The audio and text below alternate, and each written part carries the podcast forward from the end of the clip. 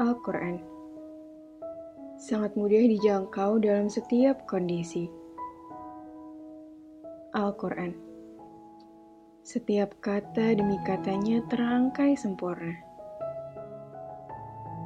Al-Quran terjemahan berbagai bahasanya mudah sekali didapatkan. Terjemahan Indonesia sudah ada.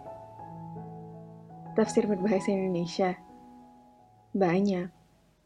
Sederet kemudahan yang membungkam lisan yang beralasan. Sederet kemudahan yang terkadang menjadikan malas seenak hati menerjang. Sederet fasilitas yang terkadang melenakan, dan sederet fasilitas yang terkadang justru menjauhkan diri dari frasa muslim produktif. Sederet nikmat yang tak kuasa kita hitung yang terkadang bukan yang membantu kita lebih dekat pada Allah, namun malah sebaliknya.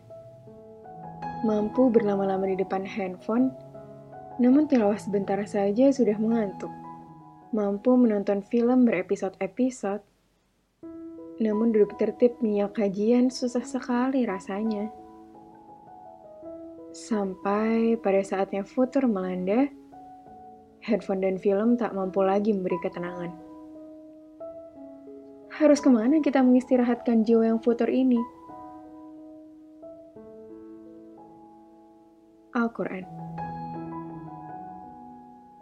Kembalilah pada sang pemilik hati.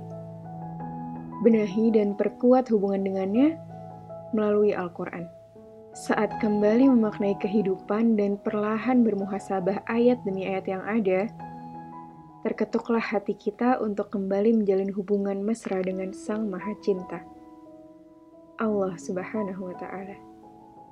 Dan apabila hamba-hambaku bertanya kepadamu tentang aku, maka jawablah bahwasanya aku adalah dekat. Aku mengabulkan permohonan orang yang berdoa apabila ia memohon kepadaku. Maka hendaklah mereka itu memenuhi segala perintahku, dan hendaklah mereka beriman kepadaku, agar mereka selalu berada dalam kebenaran. Sudah jelas sekali sinyal yang Allah berikan. Sederet permasalahan hidup akan selesai jika kita melibatkan Allah dalam setiap langkah. Sajadah memang masih kita miliki. Hanya saja, terkadang sujud yang tergesa melunturkan nikmat pertemuan kita dengan Allah.